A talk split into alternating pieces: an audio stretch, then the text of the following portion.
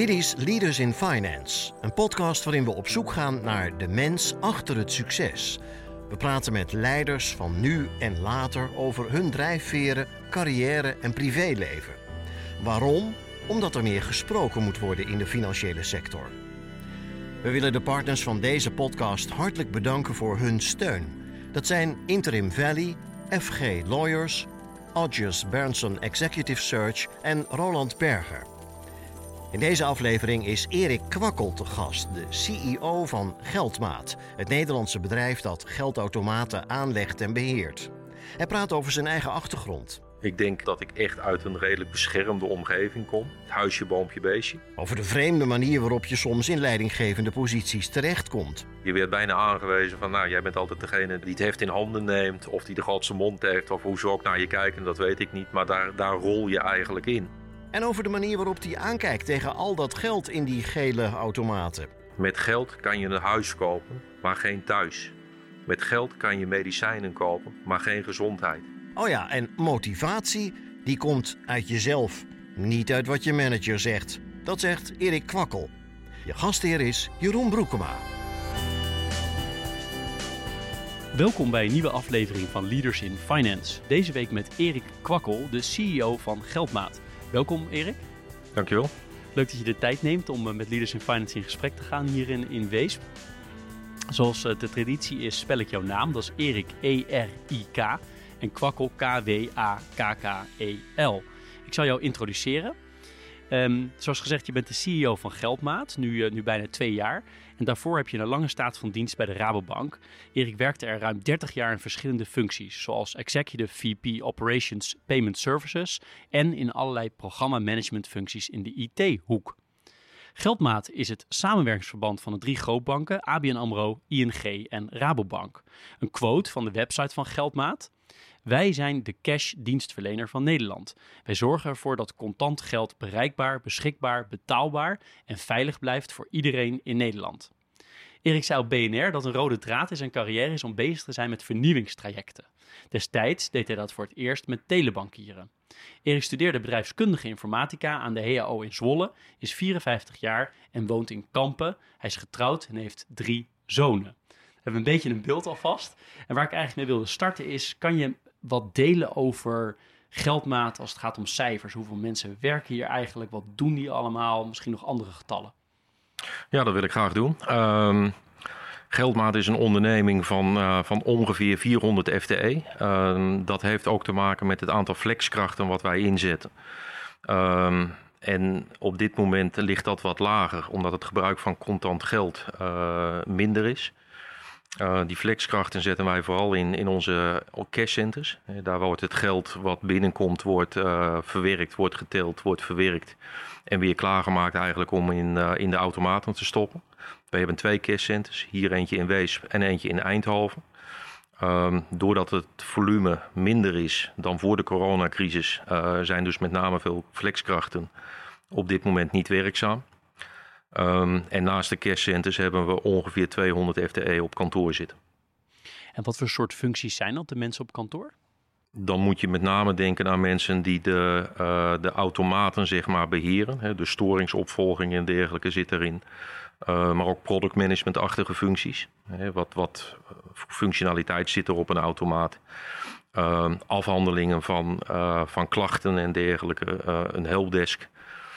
Uh, dat soort functies zitten er allemaal in. Naast een aantal uh, functies die zich uh, ook bezighouden met name met IT. We hebben veel van onze IT wel uitbesteed. Maar we doen zelf ook nog een aantal dingen. En met name de brugfunctie naar de leveranciers waar we dat ondergebracht hebben.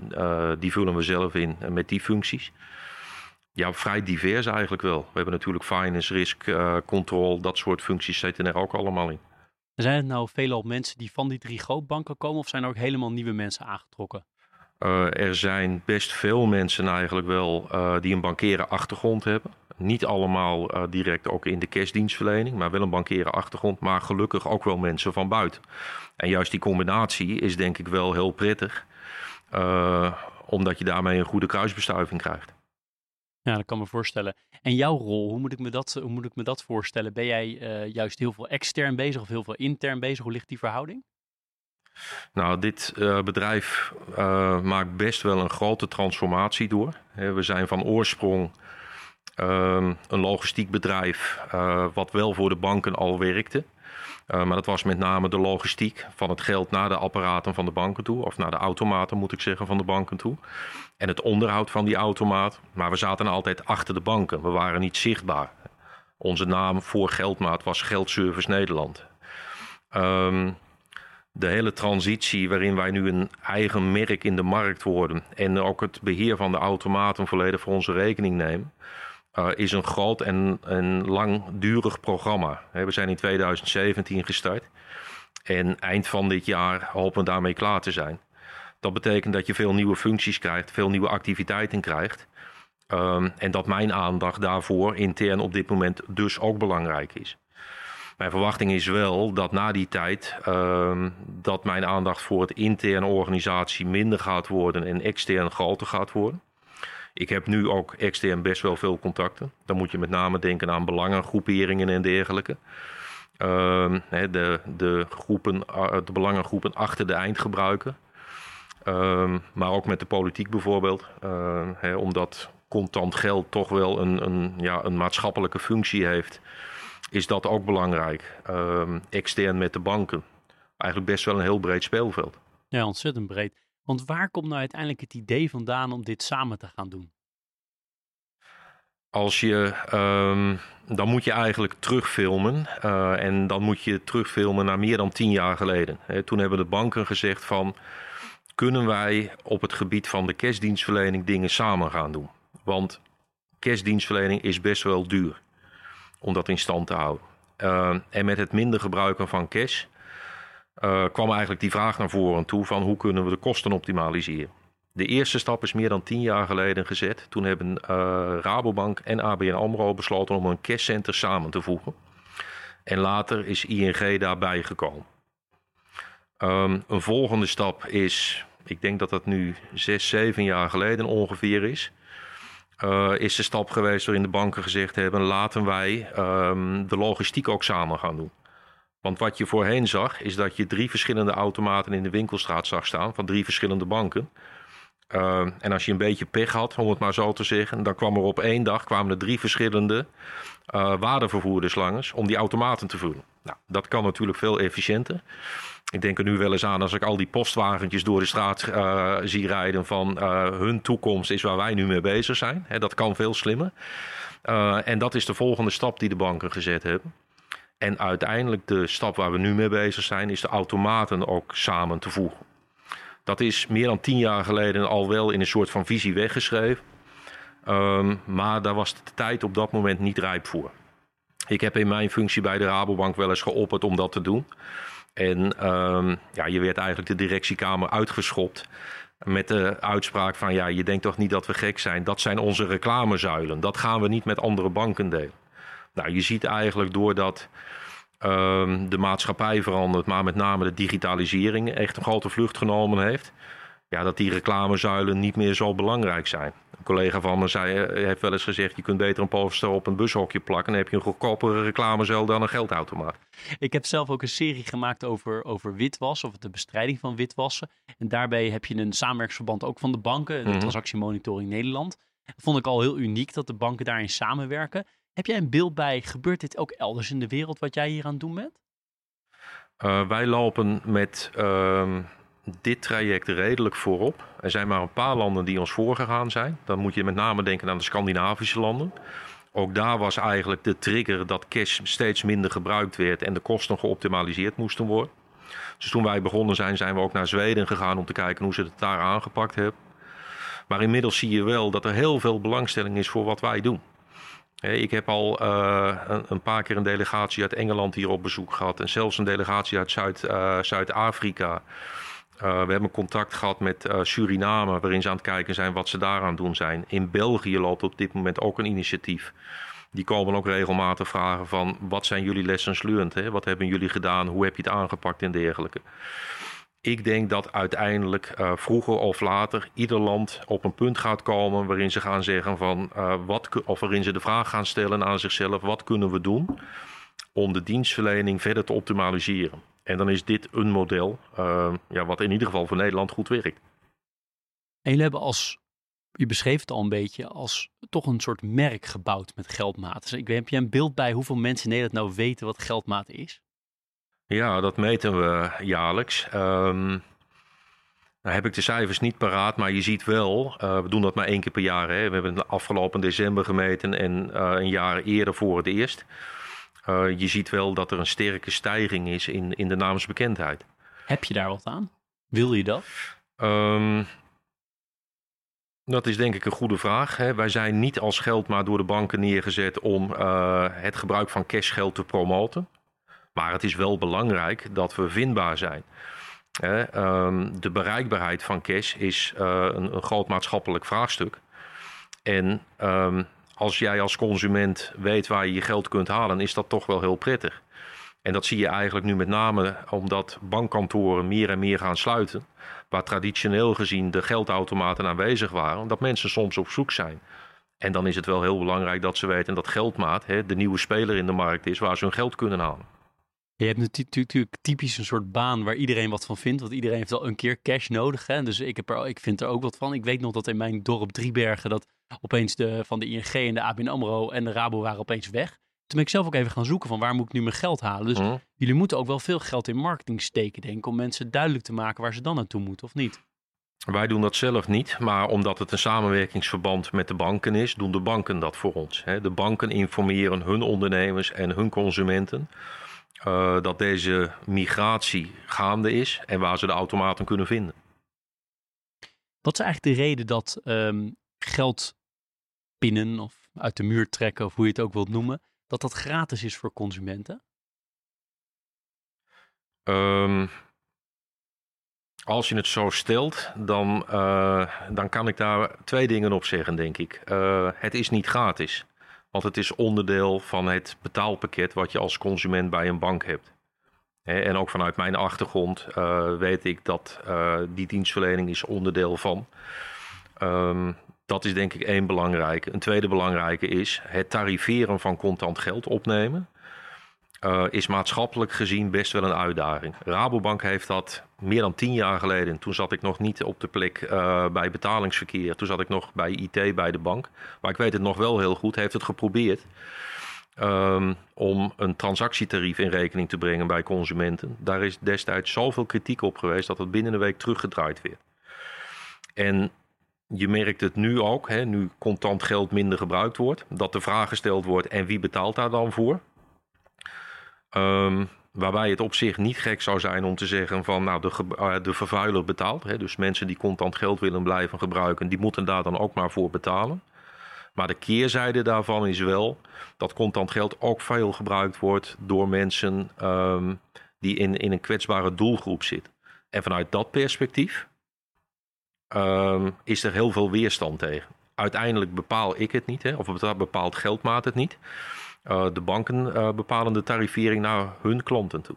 Ja, het is natuurlijk uh, heel normaal voor, voor mensen om gewoon geld op te nemen en het gevoel te hebben dat het in ieder geval gratis is. Ik bedoel, het is natuurlijk ergens wordt het betaald.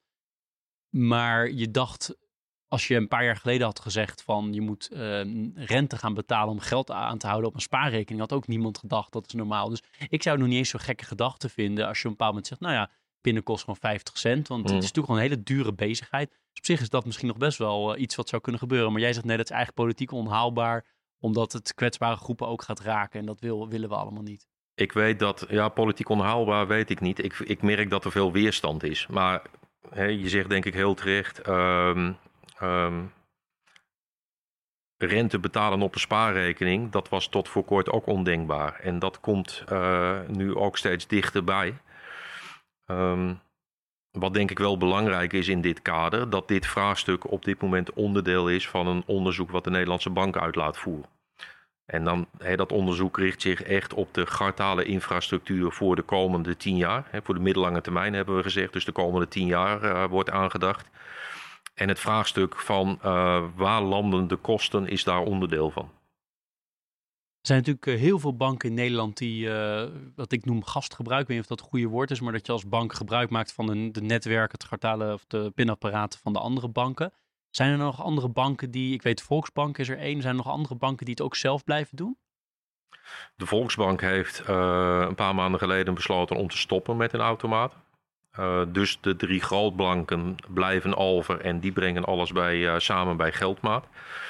Um, ik denk niet dat er andere banken uh, zijn die hier zelf in gaan stappen. Uh, ze kunnen wel klant bij ons worden. Hey, gastgebruik, daarvoor hoef je geen klant voor te zijn. Dus geld opnemen kan altijd. Maar er is ook wel belangstelling uh, van de banken om bijvoorbeeld geld af te kunnen storten. Of munten af te kunnen storten en munten op te kunnen nemen. Dat werkt niet met gastgebruik. Dan moet je echt gewoon klant zijn bij een van de drie grootbanken op dit moment. Maar wij kunnen deze dienstverlening ook beschikbaar stellen voor andere banken. En daar lopen wel gesprekken over, maar daar kan ik op dit moment verder weinig over zeggen. Hoe is het voor jou om in deze functie te zitten? Want ik kan me voorstellen dat, het veel meer, uh, een, dat je veel meer een gezicht bent geworden dan voorheen mhm. in je rollen naar buiten toe. Ja, um, ik vind dat eigenlijk wel heel leuk. Uh, het is ook een, een groeiproces, hè, omdat je in je carrière als de bank ook langzaam maar zeker, zeker als je in betalingsverkeer werkt, stappen naar buiten zit. Um, en het leuke hieraan is dat ik heel veel mensen tegenkom die ik vanuit de bank ook al kende, maar dan vanuit een andere rol. En met name als het dan gaat om vertegenwoordigers van belangenorganisaties, uh, zeker aan de retailzijde, ja, zijn het voor mij bijna allemaal bekende gezichten. En dat maakt het eigenlijk wel een stuk makkelijker, ondanks dat ik in een andere functie zit. Uh, maar ja, het, het hebben van een goed netwerk is wel belangrijk.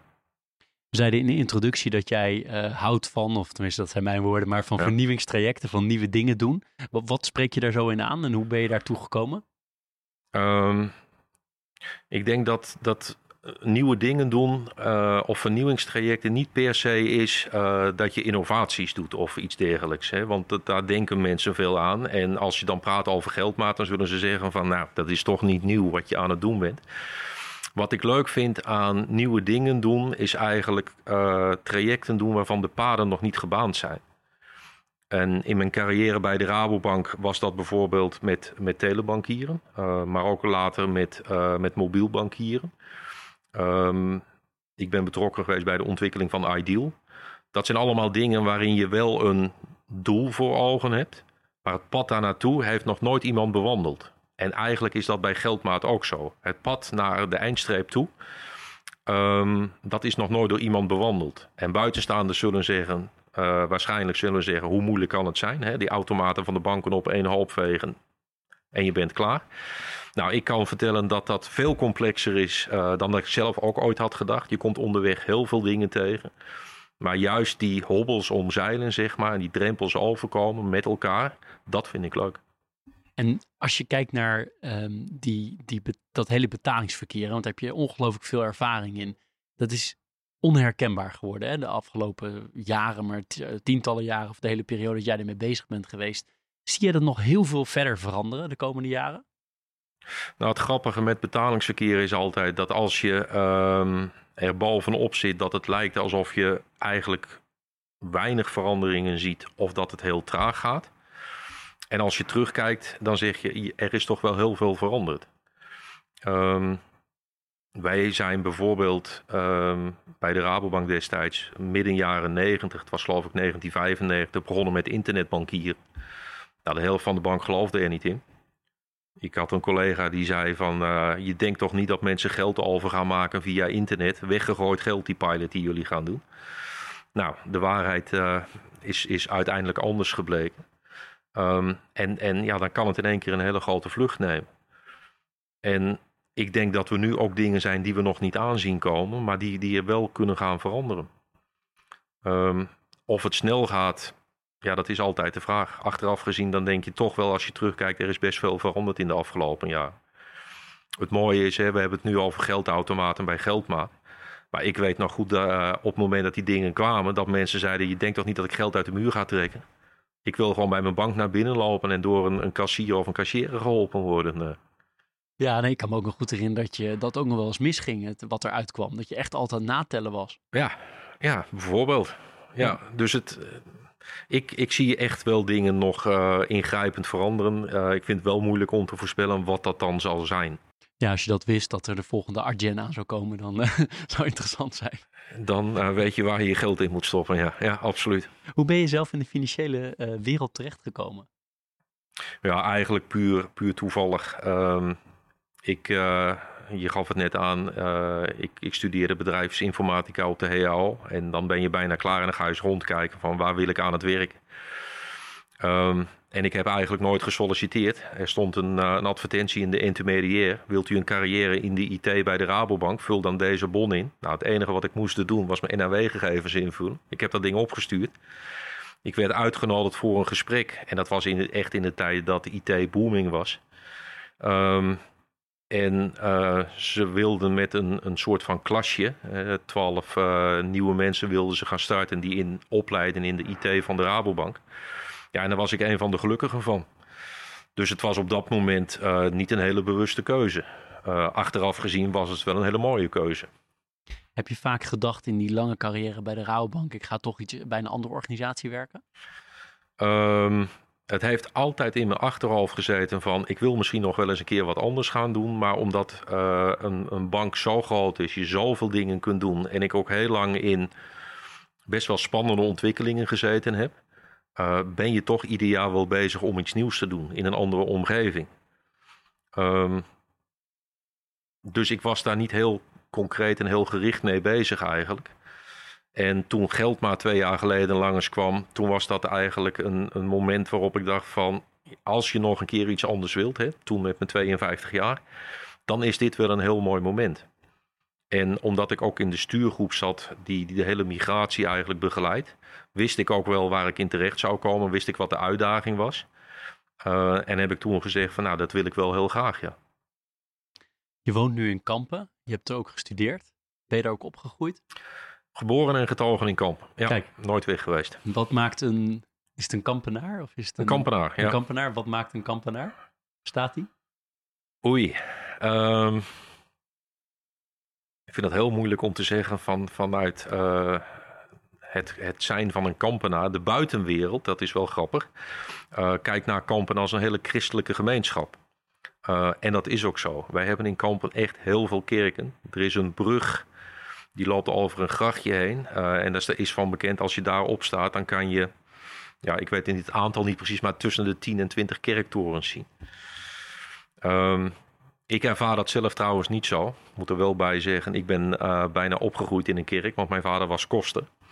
Dus het huis van ons stond naast de kerk. Um, maar ik denk dat in de loop van de jaren uh, Kampen zodanig gegroeid is en de bekrompenheid eigenlijk ook wel steeds minder geworden is. Um, dat dat niet meer het geval is. Maar het is wel lang zo geweest. Activiteiten op zondag of winkels open op zondag, dat is heel lang een vraagstuk geweest. Ze hobbelen wel een beetje achter de meute aan, zeg maar. maar... Neem aan dat je wel wat geldmaten hebt neergezet in Kamp ook. Ja hoor, ook kampen kleuren we geel. Ook ja. kampen wordt geel gekleurd, mooi. Wat voor soort jeugd? Je vertelde je vader was koster. Wat voor soort jeugd heb je gehad? Um, ja, ik kijk met veel plezier terug op mijn jeugd. Um, ik ben opgegroeid in een, uh, in een volksbuurtje, om het maar zo te zeggen. Um, ik was veel op straat. Uh, ken ook de taal van de straat. Ik vind nog steeds dat dat iets is wat je in de rest van je leven, waar je wel uh, het voordeel van hebt. Maar wat is dat precies dan, de taal van de straat? Nou, ik merk het aan, aan uh, de jeugd van tegenwoordig, zeg maar. De, de confrontatie op straat. Uh, niet uit de weg gaan, of juist wel uit de weg gaan. Uh, dat, dat, ja, dat, dat neem je mee in je karakter op de een of andere manier. Dus jij gaat juist wel het gesprek aan op straat? Begrijp ik het uit? Vaak wel. Tenzij ik inschat dat het onbegonnen werk is. En dan denk ik, nou, misschien moet ik wel een blokje omlopen. Maar ik, ik, ik schuw de confrontatie niet, nee. nee. Kan je nog wat meer zeggen over de jeugd? Wat voor, eh, was je, was je moeder thuis, uh, broers en zussen? Hoe, uh... Ja, ik heb één jongere broer, die is bijna vijf jaar jonger. Mijn vader was, zoals gezegd, koster, of eigenlijk deden ze dat samen. Maar daarnaast had mijn vader nog andere werkzaamheden. En eigenlijk was dat zijn belangrijkste bestaansrecht. mijn vader was kleermaker, ehm, werkte voor alle grote, nee, voor alle herenmodezaken in Kampen en een paar in Zwolle. Um, heeft altijd hard gewerkt. Mijn moeder was, was huismoeder. Um, ja, en het was altijd een veilige omgeving. En als je uh, eigenlijk in een huis woont wat uh, heel groot is door alle mogelijkheden die erbij zijn. Hè, aan, aan zalen waar vergaderruimtes zijn, aan de kerk zelf. heb ik ook, als ik niet op straat was, ook veel thuis kunnen spelen. Met slecht weer kwamen mijn vriendjes thuis spelen en dan speelden we in een van de zalen. Of in de kerk, wat niet mocht, maar dat deden we wel. Er zijn er dingen uit die opvoeding die je echt niet hebt meegenomen naar je eigen opvoeding van je eigen zonen? Ja, best wel. Ik denk ehm, dat, dat ik echt uit een redelijk beschermde omgeving kom. Ehm, en echt opgevoed ben met huisje, boompje, beestje. Zorg dat je een goede baan krijgt, dat je goed geld verdient, dat je trouwt, uh, kinderen krijgt, dat soort dingen allemaal. En mijn vrouw en ik geven mijn zoon nu veel meer mee van uh, uh, doe wat je leuk vindt, uh, geniet ervan. Um, ook het hebben van misschien niet een goed betaalde baan, maar wel doen wat je leuk vindt, is misschien wel veel belangrijker dan een goede baan, je helemaal snot voor de ogen werken en verder geen leuk leven leiden. En dat vind ik echt wel een grote verandering met de manier waarop ik opgevoed ben.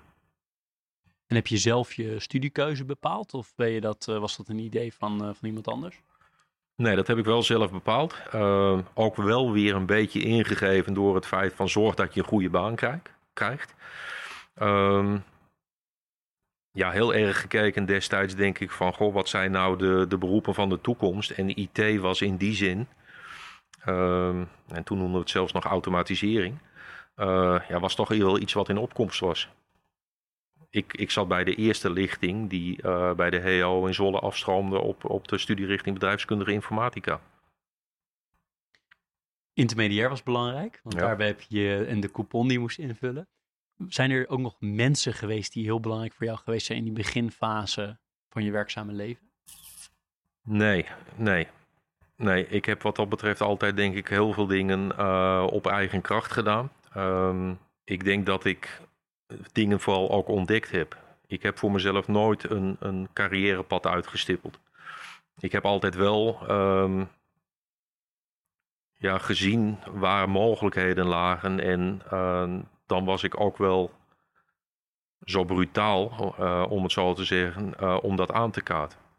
Ja, het, het, feit dat ik destijds bij telebankieren betrokken raakte, dat was nadat ik, ik denk twee, drie jaar bij de, bij de Rabobank werkte. Um, en in een gesprek met mijn baas aangaf van ja, als jonkie krijg ik altijd gewoon de suffe klussen, zeg maar. Ik wil wel eens graag gewoon als een project start vanaf het eerste moment betrokken worden. En toen zei hij van nou, daar ga ik eens even uh, uh, naar kijken of ik iets voor je kan doen. En toen kwam hij na drie maanden terug en toen zei hij Erik, we gaan starten met telebankieren. Niemand wist wat telebankieren was. Maar het is wel uh, het initiatief geweest wat ik toen genomen heb, wat ervoor heeft gezorgd dat hij aan me dacht toen er analist-programmeurs uh, gevraagd werden voor dat project. En als ik mijn carrière terugfilm, is dat vaker gebeurd. Dat ik me uitgesproken heb van ik wil dit heel graag. En soms heb je geluk en soms uh, wordt er niet naar je geluisterd. Maar ik, ik denk dat ik mag zeggen dat ik best wel veel geluk gehad heb. Vanaf welke leeftijd ging je voor het eerst mensen direct of indirect aansturen in teams of in projecten?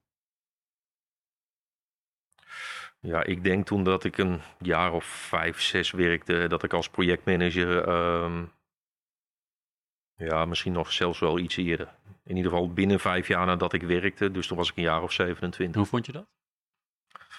Um, ja, dat ging eigenlijk heel natuurlijk. Uh, dat was ook niet, niet zoiets bewust. Uh, je werd bijna aangewezen van, nou, jij bent altijd degene die, uh, die het heft in handen neemt, of die de grootste mond heeft, of hoe ze ook naar je kijken, dat weet ik niet. Maar daar, daar rol je eigenlijk in. Um, en in die tijd hadden we bijvoorbeeld de functie projectmanager ineens. En ik had destijds een leidinggevende. En toen waren we in gesprek over dingen. En toen zei hij tegen mij van, ach joh, maar jij bent maar systeemontwerper. En toen dacht ik van ja, hoezo? Ik ben systeemontwerper, ik ben projectmanager. Uh, ja, maar de meeste projectmanagers waren informatieanalisten, wat hoger ingeschaald was bij de bank. Uh, dus dat had een andere status, maar we deden hetzelfde werk. En toen ben ik de discussie aangegaan uh, met, met, met een andere verantwoordelijke. Ja, het is toch heel gek dat we geen functie hebben van projectmanager. Dus ook daar weer heb ik een eerste stap gezet en ik was de eerste die de functie van projectmanager kreeg. Ik kan je verklaren hoe het komt dat je die, dat, dat initiatief zelf nam? Was dat uh, waar dat uit voortkwam? Is dat hoe jij bent of heb je dat jezelf aangeleerd? Nou, het kwam eigenlijk voort uit een, een denigrerende opmerking. Jij bent maar systeemontwerper. Um, En dat triggert mij ergens. Ik denk, ja, dat laat ik me niet zeggen. Want ik ben volgens mij niet minder dan andere projectmanagers met de rol van informatieanalist of zo. Ehm, en dat, ja, denk als je die vraag zo stelt. ehm, ik kan slecht tegen onrecht. En dan wil ik niet zeggen dat dit onrecht is, maar het triggert wel iets in me. Dat ik denk, ja, daar, daar spreek ik me dan al voor uit. Zoals Erik, als je Erik echt wil motiveren, dan moet je zo'n soort opmerking plaatsen. Ja, dan raak je me wel. Ja, Ja, ja, precies. ja. Ja. Hoe motiveer jij mensen in jouw teams? Nu en in het verleden, gewoon je, gedurende je loopbaan tot nu toe? Ja, ik vind dat een goede vraag. ehm, met name ehm, omdat ik zelf niet geloof dat motivatie ehm, overbrengen naar anderen de sterkste drijfveer is. Ik geloof er echt in dat motivatie uit jezelf moet komen. Dat dat de sterkste motivatie is. En dan is het mijn taak. En dan zie ik mijn rol als iemand die er vooral voor moet zorgen dat je niet demotiveert. En dat betekent eh, dat je mensen vertrouwen moet geven, ruimte moet geven en achter ze moet staan eh, en, en in voorkomende gevallen voor ze moet staan. Ehm, ik geloof echt dat dat de beste motivatie is. En dat is niet actief, hè, want dat, zo klinkt het als je die vraag zo stelt, actief motiveren. Eh, maar wel zorgen dat de omstandigheden zodanig zijn dat mensen het beste uit zichzelf kunnen halen en zichzelf motiveren. Dat is eigenlijk wat veel, denk ik, managementgoeroes en zo een beetje dienend leiderschap noemen. Dat je meer zorgt dat zij kunnen floreren. Dat je alle rompslomp eromheen probeert te- te neutraliseren. Ja, en dienend leiderschap is wat mij betreft ook wel weer iets wat goed uitgebalanceerd moet zijn. Want dienend leiderschap is alleen maar faciliteren, maar daar geloof ik ook niet in. Ik denk dat je eh, qua leiderschap ook wel heel duidelijk de richting moet bepalen. Eh, maar vooral ook wel eh, voor je mensen moet staan en ze af moet schermen hè, van invloeden die hun werk ook kunnen beïnvloeden. Ik wil het met je hebben over geld in relatie tot, jou, tot jouzelf. Mhm. Wat, wat, wat is geld voor jou? Het hebben van geld bedoel je? Het hebben Eh, of ja. het proberen te krijgen of het niet hebben. Maar wat, wat, wat doet geld met jou eh, in, in jouw leven? Is het belangrijk voor je? Is het niet belangrijk? Nou, ik vind dat een hele lastige vraag. Eh, want ik zou kunnen zeggen, ik vind geld niet, niet belangrijk, niet het allerbelangrijkste. Ehm, ik heb ooit echt een hele mooie uitspraak gelezen en eh, die, die blijf ik ook altijd onthouden. Ehm, met geld kan je een huis kopen, maar geen thuis. Met geld kan je medicijnen kopen, maar geen gezondheid. Als je het hebt, eh, dan heb je geen zorgen. En ik heb in mijn leven nooit geldzorgen gehad. Uh, dus ik kan best zeggen van, nou, ik vind geld niet het allerbelangrijkste. Maar dat vind ik tegelijkertijd ook wel een, een linker uitspraak. In de zin van, als je het niet hebt, dan is geld best wel belangrijk. Als ik normaal kan leven, dan, uh, dan ben ik al tevreden. Ik ben wat dat betreft niet iemand die, uh, die sloten met geld moet verdienen. Nee, daar ben ik nooit op uit geweest. Wat motiveert jou het meest? Dingen gedaan krijgen. He, dat is wat je net zei, uh, van he, vernieuwingstrajecten doen, uh, paden begaan die nog niemand bewandeld heeft. Um, en, en een resultaat bereiken uh, in, in gezamenlijkheid. Dat vind ik ook wel belangrijk. Dat je dingen samen doet en um, oog hebt voor ja, iedereen die zijn of haar, bijdrage daaraan uh, aanlevert. Um, je zult mij nooit zien zeggen uh, dat ik succesvol ben geweest. Dan zijn we succesvol geweest. Dat vind ik belangrijk. Maar ik vind het ook wel belangrijk. Um, zonder die ik is er geen wij. Hè? Je moet uh, zelf vaak wel een eerste stap zetten. of een richting aangeven. Of nou, hè, wat je ook wilt noemen. Om de zaak in beweging te krijgen. En zien mensen jou vaak als heel bescheiden? Want ik ken jou nu een uur, maar Oh ja. ik, ik kom, zo kom je bij mij over. Misschien ben ik de enige, dat kan natuurlijk. Um, ik heb dat wel vaak teruggekregen. Ik moet eerlijk zeggen dat er ook wel mensen zijn die me arrogant vinden. Uh, um, maar daar moet ik ook eerlijk bij zeggen dat dat vaak een eerste indruk uh, was. Ik ben dat denk ik wel in de loop van mijn, van mijn leven uh, minder gaan doen. Uh, maar dat waren, ik heb dat wel eens vanuit vrienden teruggekregen. Die zeiden van nou, toen we jou voor het eerst zagen, vonden we je een beetje arrogant. Later hebben ze het uitgelegd als afstandelijk. Um, en als je beter leren kennen, wordt dat, wordt dat in die zin denk ik anders. Maar ja, ik denk dat ik bescheiden ben. Dubbele vraag. Waar ben je trots op? Eén aan de privékant en twee aan de zakelijke kant? Nou, aan de privékant, en dat vind ik echt veruit het belangrijkste. Dat zeg ik altijd tegen iedereen. Uh, mijn gezin is veruit het belangrijkste. Ik ben trots op mijn vrouw en uh, op mijn drie zonen. Um, dus dat, dat, dat staat boven alles. Uh, ze gaan ieder allemaal hun eigen weg. En dan praat ik vooral over de kinderen natuurlijk. Um, daar ondersteunen wij ze ook, ook in. doe wat je leuk vindt, doe wat je wilt. Um, als je wilt reizen een, een, een, jaar, ga, dat vooral, ga dat vooral doen. mijn ouders hadden het tegenovergestelde gezegd. Zou je dat nou wel doen, hadden, zouden ze gevraagd hebben. Nou, dat doe ik niet. Zakelijk gezien, ja, het allerleukste project wat ik ooit gedaan heb. En dat is niet om, om een trots om te zien van je hebt iets tastbaars neergezet. Maar ehm, met name de omstandigheden waar iets in, in hele korte tijd gecreëerd moest worden. Uh, met een heel klein team waar echt hele bijzondere mensen in zaten. Dat moet ik misschien uitleggen dan. Wij waren al een tijdje bezig met uh, internetbankieren bij de Rabobank. En op een gegeven moment kwam er een nieuw uh, computerblad uit, Computer ID. En die opende in zijn eerste magazine met een artikel waarin ze aangaven dat de Rabobank-site gekraakt was. Ze hadden een man-in-the-middle aanval uitgevoerd. Dat kwam s'avonds in het 8 uur nieuws. Een collega van me mocht tekst en uitleg geven. Die is 20 minuten geïnterviewd en er werden twee zinnen uitgeknipt in het interview in het 8 uur journaal. Waarin eigenlijk duidelijk werd van we hebben een probleem. We hadden geen probleem. Want de algemene informatiesite was uh, eigenlijk op die manier gehackt en niet de betalende site. Maar de volgende ochtend was het crisisoverleg naar aanleiding hiervan. Um, en nou, daar mocht ik ook bij zijn. Um, en toen werd er echt gezegd, jongens, we hebben een probleem. De beveiliging van al onze sites moet op dezelfde manier gebeuren. Want de zwakste schakel bepaalt het imago wat je hebt. In die tijd was er nog uh, geen gestandaardiseerde beveiliging met firewalls en alles wat je tegenwoordig hebt. Dat was er toen niet, dus we moesten zelf iets gaan verzinnen.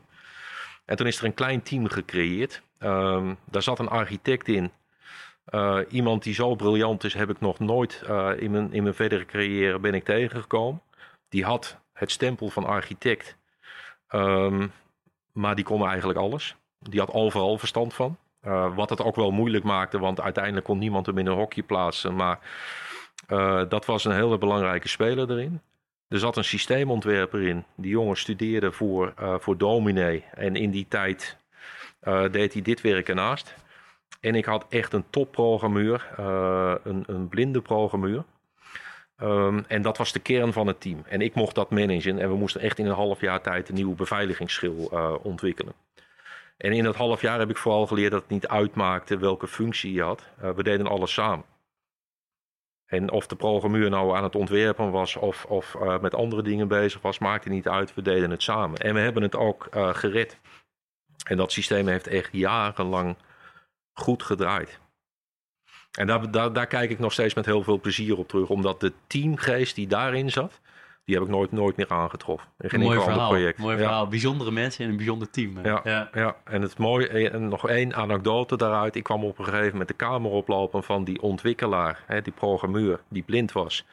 En de systeemontwerper. En die systeemontwerper zat te, te schetsen op een whiteboard. En toen schoot ik echt in de lach. Toen zei ik, joh, wat doe je nou? Uh, Jaap kan dat toch niet zien. En Jaap die zat onderuitgezakt in zijn stoel en die zegt, Erik, laat hem maar gaan. Want dit is de enige manier waarop zij, hij zijn gedachten goed uit kan spreken. Doordat hij het zelf aan het tekenen is. Nou, dat, dat gezicht, dat, ja, die situatie, die, die zie ik nog steeds heel helder voor ogen. Ik zie het nu ook voor. voor ja. Ik kan me helemaal, ja. helemaal inleven hoe dat eruit gezien moet hebben. Ja, mooi. Hoe, um, hoe verander jij nou uiteindelijk dingen in, in je organisaties of in je teams waarin je gewerkt hebt? Hoe, hoe verander je? Nou, ik denk dat je op een gegeven moment um, gaat zien wat er, wat er wel werkt en wat niet werkt. Um, en, en dat is in eerste instantie een gevoel. Dat je een gevoel krijgt van dit kan anders, beter, efficiënter. en ja, mijn, mijn stijl is om mijn gevoel dan eerst eens te delen met anderen. Zien anderen dat ook? En als ik de enige ben die iets ziet, dan heb ik, heb ik zelf misschien het probleem. Maar als anderen het ook zien, Uh, of die vullen aan, hè, want dat vind ik vaak het, het voordeel hebben van een goede dialoog met elkaar. Dan wordt je plaatje steeds completer. En een belangrijke les die ik eigenlijk wel geleerd heb, is dat veranderingen uh, vooral vorm krijgen als je voldoende draagvlak uh, eigenlijk organiseert. Wij hebben per 1 januari van dit jaar best wel een forse reorganisatie uitgevoerd binnen Geldmaat. Um, en daar hebben we ook best wel lang over gedaan.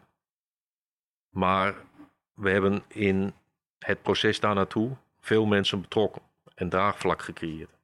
Ik had het ook in drie maanden kunnen doen. En dan had ik een van de grote consultancybureaus uitgenodigd. Die had een mooie blauwdruk gemaakt. Hadden gezegd: veel succes, Erik. En dan weet ik zeker uh, dat de organisatie in complete verwarring achtergebleven was. Heb jij tips voor mensen die nu aan een loopbaan beginnen? Misschien specifiek op de, de financiële sector, dus toch leaders in ja. finance? Blijf vooral nieuwsgierig. Uh, kijk om je heen wat er gebeurt. Uh, wees kritisch. Hobbel niet achter de grote meute aan. je ziet het in, in, in heel veel ontwikkelingen in, in de markt. Dat we daar eigenlijk als een kip zonder kop achteraan hobbelen. Uh, waarbij ik niet wil zeggen dat dat verkeerd is hoor. Um, ja, als je bijvoorbeeld kijkt naar de. Nou, uh, ik denk dat dat voor de meesten bekend zijn, de Spotify-manier van werken, zeg maar. Het, het agile werken en dergelijke. Dat het op zich een goede beweging is. Maar toen ik 30 jaar geleden begon, deden we het ook op die manier. Dus het is niet zo heel anders. Alleen we zijn op een gegeven moment dingen belangrijker gaan vinden. En daardoor dingen bij elkaar gaan voegen. Hebben we de business en de IT verder uit elkaar getrokken. En na verloop van tijd kom je erachter dat het toch handiger is om ze dichter bij elkaar te hebben. Um, dus die tegenbeweging die komt daarna weer op gang. Ik vind het razend knap hoeveel mensen daar dan vervolgens hun geld aan verdienen. Hè, met de agile way of working, om het maar zo te zeggen. Um, terwijl het concept op zich niet heel nieuw is. Maar we zijn uh, door de jaren heen zo'n andere kant uitgeslagen. Dat je iets groots nodig hebt om je weer terug te brengen waar je ooit was. En over 10, 15 jaar zal het misschien weer anders zijn. Maken we weer een andere beweging. Um, maar ik vind het vooral belangrijk dat je daar kritisch naar kijkt. Wat zie je nou hè, als je dit soort bewegingen ziet? Wat zie je nou gebeuren? Um, en wees vooral beducht, zou ik zeggen, op het domweg kopiëren van wat anderen voor je gedaan hebben. Want wat voor jou goed, uh, of wat voor anderen goed geweest is, hoeft het voor jou niet altijd te zijn. Dus wees kritisch vooral. En bij uh, Leaders in Finance, uh, elke aflevering altijd een teaser en een, een pleaser. Uh, de teaser die ik heb opgeschreven voor jou is uiteindelijk is cash geld distributie gewoon een overheidstaak. En het is onnodig dat dure, dure onnodig duur voor de business van, uh, van de banken om dat, uh, om dat te runnen. Ook namens heel veel anderen indirect. Zou het goed kunnen zijn? Alleen dan denk ik dat de belangrijkste vraag is: op welk punt ga je dat doen? Um, wij hebben in de afgelopen jaren een geleidelijke afbouw gezien van cash. Uh, ieder jaar werd er in winkels met 4, 5 procent minder cash betaald. Voor de coronacrisis zaten we op 31, 32 procent. Nu zitten we nog op 20 procent. Um, de vraag is weer in hoeverre dat op gaat vieren nu de winkels open gaan. Um, het zal denk ik enigszins opvieren, maar nooit meer naar die 32 procent. We zullen ergens tussen de 20 en 25 blijven hangen. En daarna zal het gewoon weer verder gaan. En op een gegeven moment vlakt het af. De vraag is of dat bij 15% is of bij 5%. Um, je kunt hier op verschillende manieren naar kijken. Um, de Nederlandse bank zegt, zegt bijvoorbeeld tegen uh, de banken van... jullie hebben de betaalrekening en daar hoort dan alles bij het girale betalingsverkeer, het betalen met je pasje, maar ook het contante geld. Dus dat is onderdeel van. En um, of dan de kosten voor de overheid zijn, dat is dan nog maar de vraag. Maatschappelijk gezien is het wel belangrijk dat we een landelijk dekkende infrastructuur hebben en houden. He, uh, omdat ik net ook al aangaf, er zijn best veel kwetsbare doelgroepen die nog sterk afhankelijk zijn van cash. En vanuit dat perspectief zou je juist wel kunnen zeggen dat het een overheidstaak is. Ik vergelijk het zelf wel eens met uh, de bus die in Noordoost-Groningen rijdt. Die waarschijnlijk één passagier in de week oppikt op een bepaald traject. Ehm, en die passagier betaalt ook niet de volledige prijs uh, of de volledige kostprijs. Dus in die zin valt er wat voor te zeggen. Um, ik vind het echt heel erg moeilijk om daar een concreet antwoord op te geven. Ik merk ook dat de politiek daar heel verschillend in zit. Ik heb de afgelopen maanden uh, meerdere Tweede Kamerleden gesproken, waarin dit onderwerp ook ter sprake kwam. Ja, en dan merk je gewoon aan de politieke kleuring dat de ene partij zegt: nee, dat is vrije markt, daar moet de overheid afblijven. En de andere partij uh, zegt: van dit moeten we meteen doen. We gaan het uh, op termijn wel, wel zien. Aan de pleasende kant, heb jij een bepaald boek wat jou geïnspireerd heeft, of wat je graag aan mensen geeft, of een film, of een documentaire, of iets anders wat, jij, wat je boeiend vindt om te delen? Ja, ik hou zowel qua boeken als qua films ehm, ja, hou ik vooral van het thriller-genre. Ehm, en, en halfzakelijk denk ik toch wel meer de, de misdaadkant. Um, ja, een van de mooiste films uh, blijft voor mij gewoon The Godfather. Met name denk ik ook wel het, het, het familiegevoel wat erin zit en uh, het, het, nou, het samen zeg maar iets, iets vormgeven. Ondanks dat het misdadig is. Ik bedoel, dat praat ik niet goed. Maar dat vind ik wel heel intrigerend. Ja, en qua boek, um, wat, ik, wat ik aangeef, ik lees best wel de nodige thrillers. Maar ik vond uh, de Da Vinci Code uh, van Dan Brown. Um, ja, dat vond ik wel een heel knap geschreven boek. Niet alleen omdat het een heel spannend boek is, maar ook de achtergrond van het christelijke geloof en hoe dat toch op bepaalde manieren beïnvloed is en een bepaalde richting uitgeduwd is. Dat vind ik echt heel intrigerend. Hoe organiseer jij de verhouding werk en privé en hoe heb je dat uh, vroeger ook georganiseerd? Toen de kinderen nog jong waren bijvoorbeeld.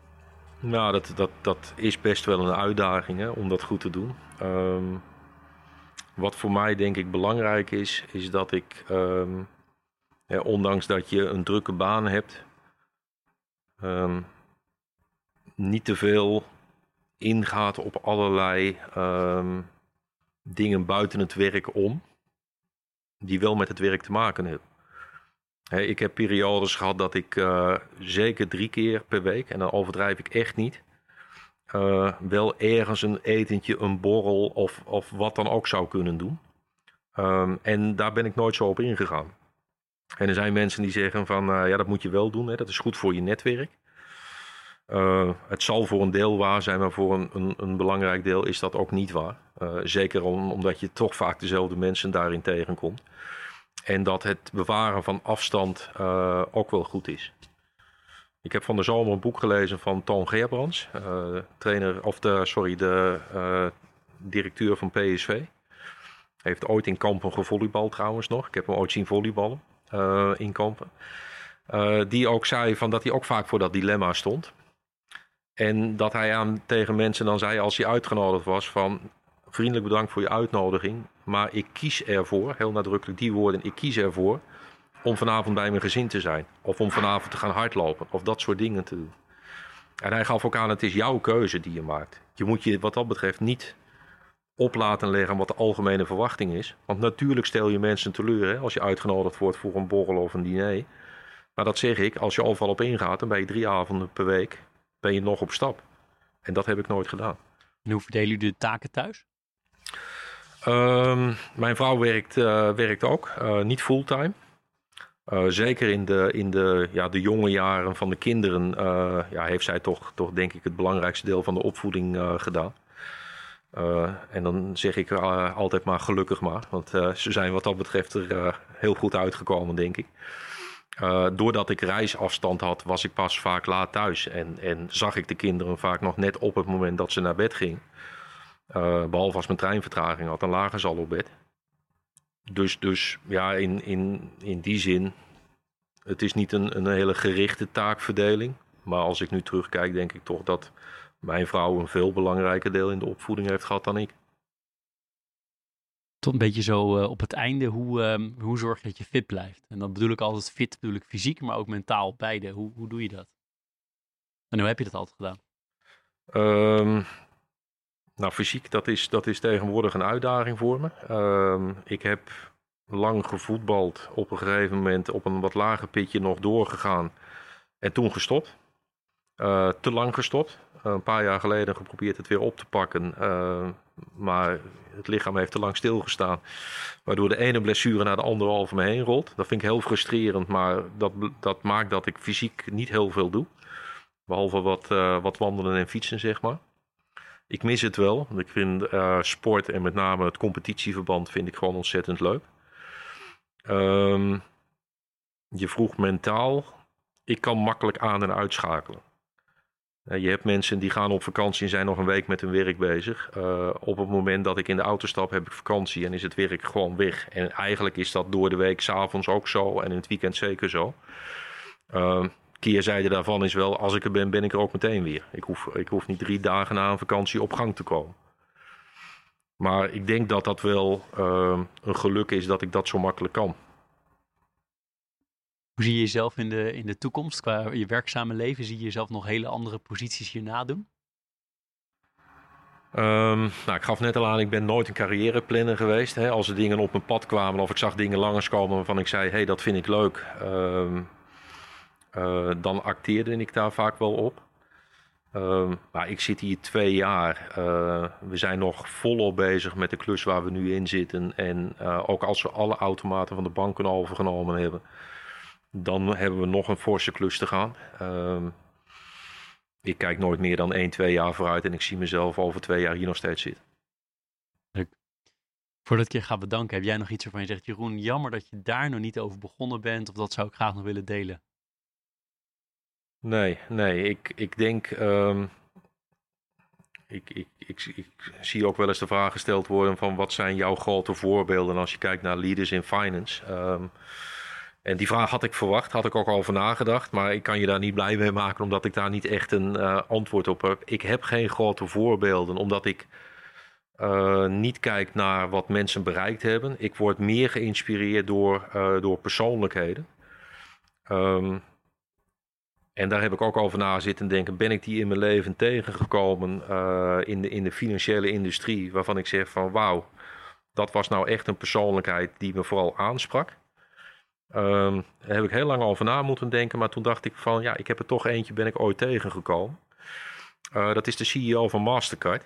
Uh, AJ Banga. Ik heb hem een paar keer op congressen gezien. En ik heb hem ooit één keer persoonlijk ontmoet toen hij bij de Rabobank op bezoek kwam de manier waarop die man sprak over financial inclusion, hè, dus met name mensen die geen toegang hebben uh, tot een bankrekening. En dat is in Europa natuurlijk heel weinig, maar buiten Europa best nog wel heel veel. Um, dat was voor mij niet een verhaal van um, vanuit het perspectief ik moet zoveel mogelijk Mastercard promoten, maar het was oprecht uh, willen werken aan een wereld waarin iedereen mogelijkheden krijgt. En juist dat oprechte, in die man, dat sprak me gigantisch aan. Mooi, nou, mooie, mooie toevoeging nog, uh, dankjewel. En uh, ook heel erg bedankt voor, je, uh, voor de tijd die je hebt genomen om met Leaders in Finance bij mij in gesprek te gaan. En als dank um, geven we jou graag de, de mogelijkheid om een goed doel vast te stellen waar ons kleine bedankje naartoe gaat. Dus kun je, of jij daar iets hebt waarvan je zegt, daar zou ik het wel aan willen geven? Ik zou graag willen dat het naar het Rode Kruis gaat vind de, de vluchtelingenhulp en de rol die het Rode Kruis daarbij speelt, um, ja, vind ik mooi en, en, belangrijk. Dat gaan we doen. Dat koppelen we uiteraard ook terug. Nogmaals, um, Erik, heel erg bedankt voor je tijd. Graag gedaan. Vond het leuk.